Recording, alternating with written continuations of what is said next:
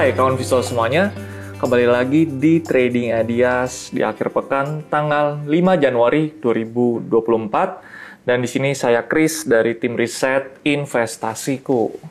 Oke, kawan Visto, baik kita kembali lagi ya untuk melakukan review market dan juga outlook market nanti sampai kepada rekomendasi yang akan saya berikan di akhir Trading Ideas.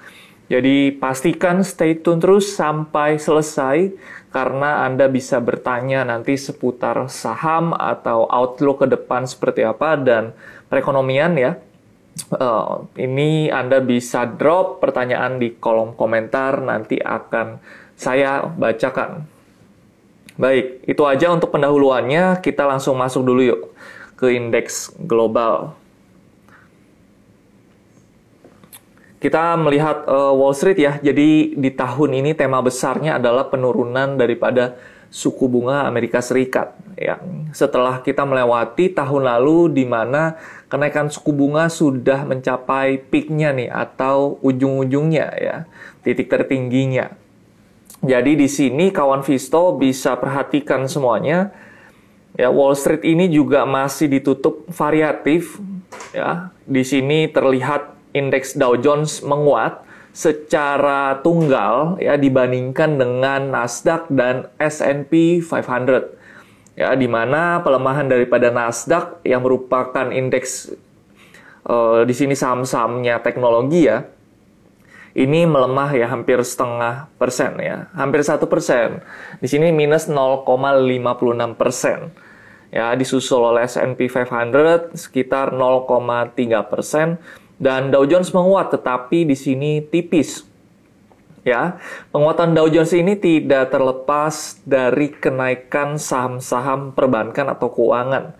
Ya, di mana kalau kita perhatikan kenaikan ini ditopang oleh saham ya yang bernama Allstate ya. Di sini saham Allstate ini uh, memang merupakan uh, saham yang memang berasal dari sektor jasa keuangan ya. Jadi memang penopangnya pada perdagangan kemarin ya atau penutupan lalu untuk Dow Jones ya ditopang oleh saham-saham dari sektor keuangan.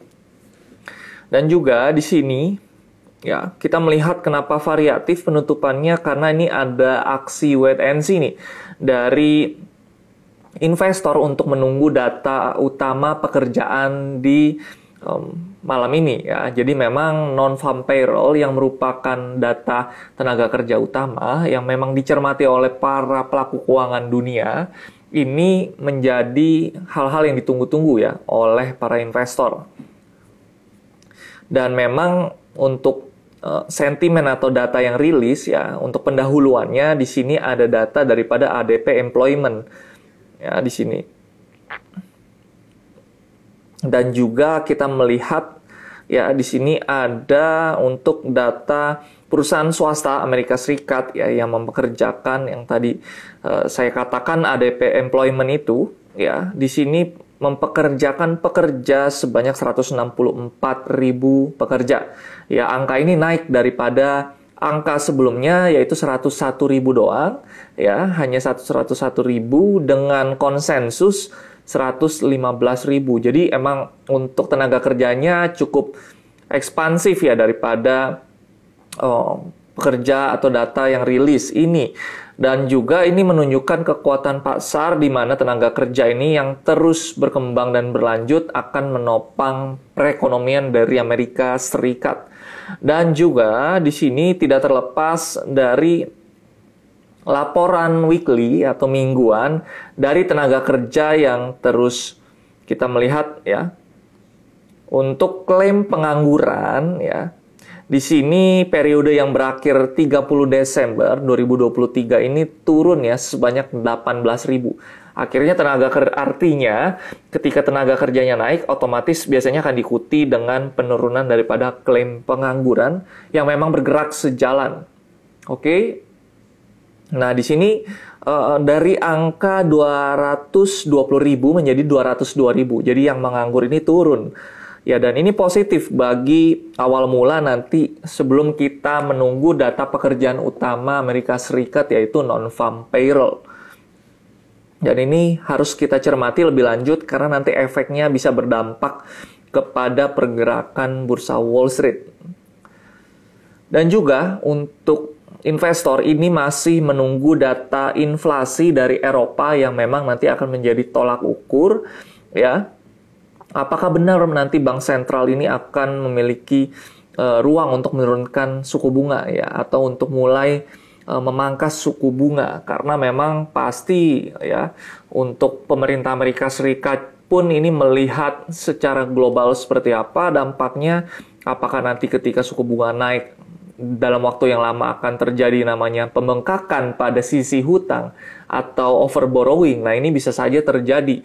Nah, tetapi yang diharapkan adalah di sini kita melihat untuk data daripada eh, Amerika Serikat ya, data perekonomiannya ini cukup kuat ya. Jadi kita bisa melihat dari beberapa eh, indikator yang ada. Oke. Okay. Dan memang kalau kita perhatikan ya pada saat kemarin stok minyak ini kan berkurang ya daripada stok minyak di Amerika Serikat sehingga ini menandakan bahwa permintaan pun ini relatif masih kuat. Oke. Dan kalau kita lihat lagi ya untuk beberapa data yang ada ya di Amerika Serikat di sini kita bisa lihat ya data yang rilis di tanggal di bulan awal Januari ya. Di sini terlihat kalau kawan Visto perhatikan untuk data daripada Amerika Serikat untuk yang PMI ya. Di sini PMI memang relatif masih berada di zona kalau kita lihat di sini untuk S&P Global Composite ya, di sini masih um, ekspansif ya kalau kita perhatikan di sini. Oke. Okay? Masih di atas 50 ya untuk S&P Global PMI-nya sehingga ini menandakan adanya rangsangan dari sisi manufaktur yang memang uh, kalau kita perhatikan lebih detail lagi ya memang aktivitas manufaktur ini akan nanti berdampak kepada permintaan dalam negerinya ya. Dan memang ini bisa kita lihat dari barang tahan lama atau durable goods-nya. Nanti kita bisa lihat untuk periode selanjutnya seperti apa. Dan nanti kita juga bisa perhatikan juga ya untuk beberapa data yang rilis ya. Kita lihat untuk kalender ekonominya ya. Untuk di sini ISM Services ya untuk PMI kita juga bisa perhatikan yang akan keluar di hari ini. Oke. Dan semua indikator ya yang penting kawan Visto perhatikan adalah biasanya uh, investor itu melihat pertumbuhan ekonomi, inflasi, lalu bisa melihat juga lebih ke sektor manufaktur dan kalau Amerika Serikat ya kita kiblatnya melihat tenaga kerja mereka.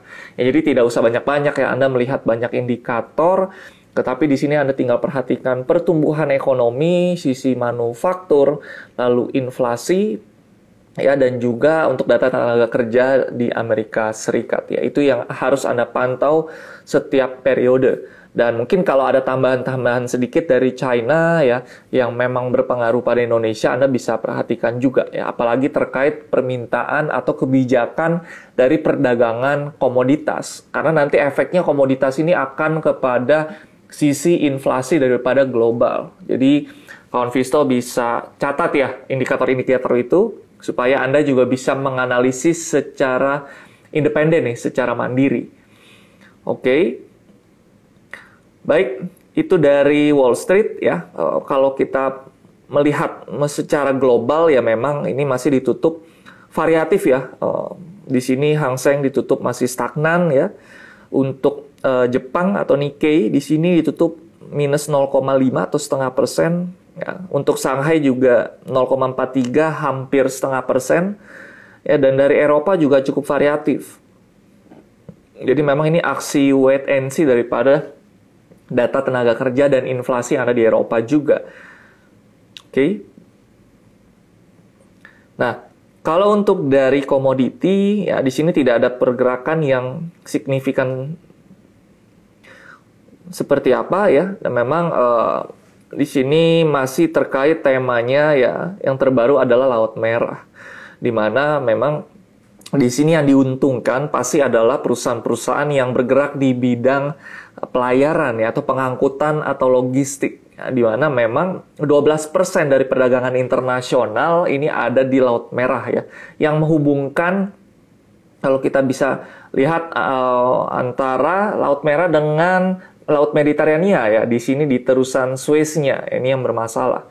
Ya, jadi memang mostly pelayaran atau kapal-kapal ya atau peti kemas ini yang memang harus melewati area tersebut harus memutar lebih jauh ya dan efeknya kepada peningkatan cost sudah pasti.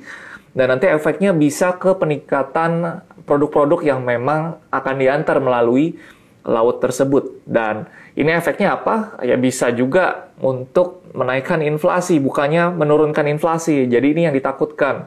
Ya, konflik daripada geopolitik ini harus segera selesai ya. Memang di satu sisi ini akan menguntungkan beberapa sektor ya yang memang akan terkena dampak sentimen dari aksi panic buying mungkin. Tetapi sekali lagi kawan Visa harus cermat untuk memilih saham karena bisa aja ya saham-saham yang Anda pilih ini memang naik karena sentimen tetapi fundamentalnya masih uh, belum terlalu baik ya. Anda harus perhatikan lebih lanjut hal tersebut. Baik. Itu terkait komoditi ya. Uh, jadi nanti memang untuk kenaikan batu bara dan minyak ini terdampak oleh kenaikan uh, daripada komoditas globalnya. Kita masuk ke bursa domestik Ya, di sini domestik kita lihat penutupan kemarin pada 4 Januari di sini ditutup all time high ya. Dan memang hampir ditutup hampir satu setengah persen ya di sini 1,1 persen dan memang ini termasuk yang cukup atraktif ya karena secara valu valuasi pun IHSG masih uh, bisa dikatakan ya cukup mempunyai potensial upside dibandingkan beberapa negara di Asia ya. Saya tidak bilang semua negara di Asia, tapi beberapa negara di Asia masih punya potensial upside. Dan di mana di sini IHSG ditutup satu persen lebih dengan saham dari sektor transportasi yang menguat ya memimpin ya penguatan di sekitar 2,3 persen. Dan di sini juga, di sini mayoritas ya saham ini menghijau ya atau menguat kecuali dari sektor kesehatan dan sektor teknologi. Karena kita tahu per awal Januari memang vaksin daripada COVID ini akan dikenakan tarif ya oleh pemerintah Indonesia. Sehingga ini bisa menjadi katalis yang kurang mengenakan nih bagi perusahaan dari sektor rumah sakit. Karena dampaknya apa? Ya sebelumnya pada masyarakat ini ya, mengharapkan ketika ada vaksin ini diberikan gratis dan sekarang harus spend money ya mereka otomatis akan mengurangi ya permintaan daripada vaksin tersebut ya ketika memang mereka mengalami sakit mungkin dan mereka hanya rawat jalan ya tidak mau rawat inap dan mungkin tidak mau untuk melakukan booster dan lain sebagainya nah ini akan berdampak uh, kurang baik ya terhadap sektor kesehatan yang tercermin pada pelemahan sektor kesehatan. Nah, di sini pada perdagangan kemarin memang uh, harga saham beberapa big banks ya yang memang kalau kita lihat semuanya pada menghijau ya, ini menopang kenaikan lalu. Dan untuk net buy asing di sini cukup lumayan ya sekitar 1,3 triliun pada 4 Januari kemarin. Dan juga di sini ya kenapa memang IHSG ini naik sendiri ya dibandingkan dengan beberapa sektor Asia karena risk appetite atau selera risiko daripada investor ini uh, ingin cari aman ya masuk ke dalam saham-saham big banks besar atau saham defensif ya di tengah aksi wait and see daripada data-data yang akan rilis di Amerika Serikat atau sambil menunggu ya kebijakan moneter dari Amerika Serikat. Jadi memang Indonesia masih atraktif ya dari sisi uh, saham apalagi sektor keuangannya. Dan kenaikan ini juga tidak luput dari Januari efek yang memang akan berdampak pada kenaikan beberapa saham dengan kapitalisasi besar. Baik, itu untuk review di hari ini untuk domestik. Ya, untuk proyeksinya seperti apa? Oke Proyeksinya IHSG akan kalaupun menguat akan menguat terbatas ke area 7377 sampai 7380 ya itu adalah resistensi psikologis dan memang ketika harga bergerak all time high ya ada potensi harga itu akan koreksi terlebih dahulu karena aksi profit taking. Dengan support ketika nanti memang ada profit taking, di sini support yang dapat menjadi acuan di 7287. Baik, itu adalah proyeksi IHSG. Kita masuk ke rekomendasi. Kita cepat aja ya supaya nanti tanya jawabnya bisa agak lama ya. Ya, sebelumnya disclaimer on untuk rekomendasi dan stock pick di hari ini sifatnya disclaimer on ya. Seluruh keuntungan dan kerugian akibat kawan Visto mengambil keputusan dari melihat rekomendasi kami ini seluruhnya menjadi tanggung jawab kawan Visto. Jadi bisa dijadikan referensi aja atau bisa juga disesuaikan dengan risk profile dan stop lossnya juga bisa disesuaikan dengan karakter sendiri daripada kawan Visto ya. Kita ke saham yang pertama. Di sini ada dari Elsa, kami berikan rekomendasi dengan reason karena sudah breakout daripada resisten dengan kenaikan volume sehingga rekomendasi buy kami berikan di harga 404 sampai 408 take profit di 418 stop loss 396.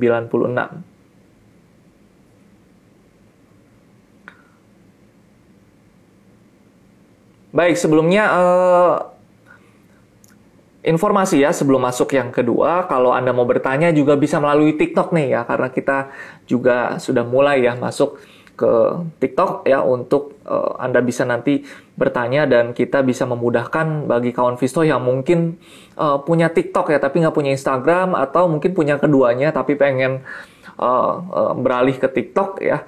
Jadi ini it's up to you ya kawan Visto semuanya. Anda bisa uh, bebas menggunakan baik TikTok atau Instagram ya. Kita masuk ke rekomendasi yang kedua. Ada dari Asus. Di sini ada price action yang menarik candle-nya cukup uh, solid ya, tetapi memang ada shadow di atas yang lebih pendek, tidak apa-apa. Volume cukup naik, stochastic momentum ke atas artinya menguat ya. Di sini entry level kami berikan Asus di 725 sampai 735 untuk take profit 750 sampai 760 dengan stop loss 710. Baik, kita ke saham berikutnya cepat ya kita ada dari BBRI, pembentukan candle yang menarik ya, bullish engulfing memakan candle sebelumnya. Di sini dengan indikator MACD yang bergerak positif, rekomendasi buy BBRI di area 5650 sampai 5700, take profit 5800 sampai 5850 dengan stop loss 5550. Kita ke saham HMSP atau Sampurna ya meskipun cukai naik, price action menarik ya karena memang e, masyarakat yang merokok tidak, tergantikan ya meskipun dengan e, mereka katakan dengan e, rokok elektrik ya tetapi rokok konvensional mereka e, mostly tidak bisa meninggalkan ya karena menjadi kebutuhan dasar nih ya atau penyumbang inflasi juga di Indonesia. Oke. Okay? Jadi untuk HMSP di sini ada pembentukan inverted head and shoulder dengan pola reversal dan ada potensi kenaikan volume sehingga rekomendasi buy HMSP di area 895 sampai dengan 905 take profit 930 sampai 940 dengan stop loss di area 880 saham rekomendasi terakhir ada dari ADMR atau Adaro Minerals seiring dengan kenaikan komoditas. Ya, di sini ada potensi harga membentuk primary movement. Ya, artinya primary movement itu gerakan ke atas ya. Kalau secondary movement dia koreksinya ya. Karena pergerakan saham biasanya hanya primary dan secondary ya ketika saham itu bergerak uptrend ya. Nah, nanti jangan lupa ya untuk tunggu ya sedikit informasi ya kita akan membahas beberapa analisis teknikal edukasi di EduFest. Jadi Anda bisa stay tune terus. Oke, okay, supaya Anda paham nih kosakata ketika saya bicara atau memberikan rekomendasi. ADMR ya buy dengan entry level di 1400 sampai 1410 take profit 1440 sampai 1450 stop loss 1375 Baik, itu untuk rekomendasi di hari ini. Kita langsung aja nih, nggak usah lama-lama lagi ya ke sesi tanya jawab ya baik TikTok dan Instagram silakan Anda bertanya dan saya akan menjawab. Ada dari TikTok, di sini dari saham ESA. Saham ESA ini sudah break daripada area resistennya. Ya, di sini kita bisa lihat resistennya sudah di break dan potensi kenaikan selanjutnya ya ada di area 605 sampai 610 sebagai area resisten. Ya, Anda bisa pasang trailing ya atau bisa cut profit jika harga break daripada 570. Itu adalah area support terdekat. Elsa up Elsa sudah menjadi rekomendasi ya. Anda bisa uh, lihat kita ada rekomendasi untuk buy now untuk Elsa. Di tayangan ulangnya Anda bisa lihat ke belakang ya. Kita langsung ke Seger. Seger juga telah break resisten ya. Di sini adalah area resisten. Anda bisa pasang trailing stop atau cut profit ketika harga menembus 2050 ya. Dengan target berikutnya untuk Seger di sini ada resisten ya terdekat di 2210 ya. 2210 sebagai area resisten terdekatnya. Oke. Kita beralih ke saham selanjutnya. Oke, BBTN ya sudah di area resisten, hati-hati ada profit taking kalaupun BBTN ini berlanjut akan menguji 1305. Silahkan pasang trailing stop kalau Anda sudah buy ya ketika harga menembus ke bawah 1285.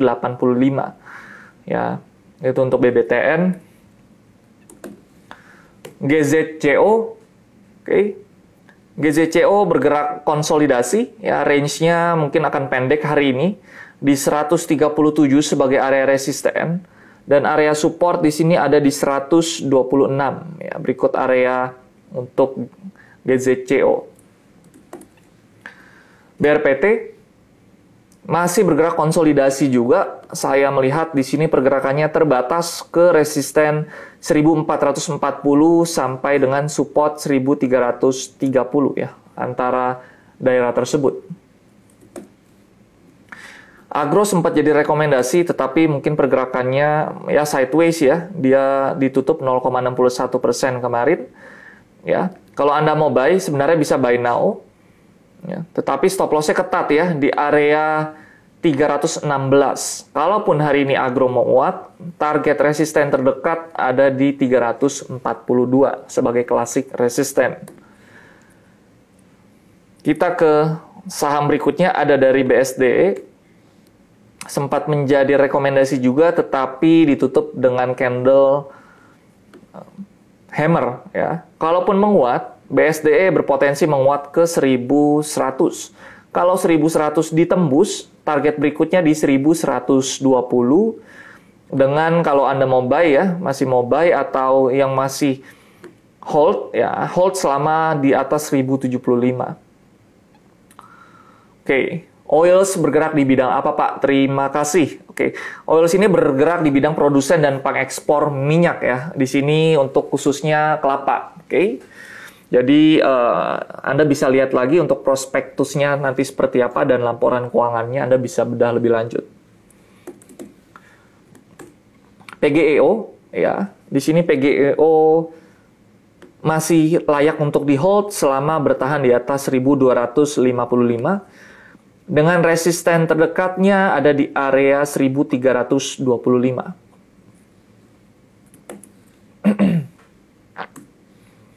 Breeze ya sudah breakout di sini dari pola kalau kita lihat di sini ascending triangle. Dan ini ada potensi aksi profit taking, tetapi kalau memang saham ini berlanjut naik, ada potensi ke 1950. Oke, itu untuk BRIS. Akra sudah break daripada area resisten ya. Hold selama di atas 1540 dengan target resisten berikutnya di area 1670 ya atau kita ambil psikologis untuk resisten di 1600. Oke. Okay. Doit. Di sini doit ya sudah terlihat breakout ya dari area resisten. Anda pasang trailing stop di 374 atau cut profit ketika break daripada 374 dengan target resisten terdekat ya psikologis resisten di area 390. BJTM sudah breakout dari area resisten, ya. Target selanjutnya untuk BJTM ada di range ya, di sini di area 660 ya. Dengan area support Anda bisa cut profit ketika harga menembus 640 sebagai area support.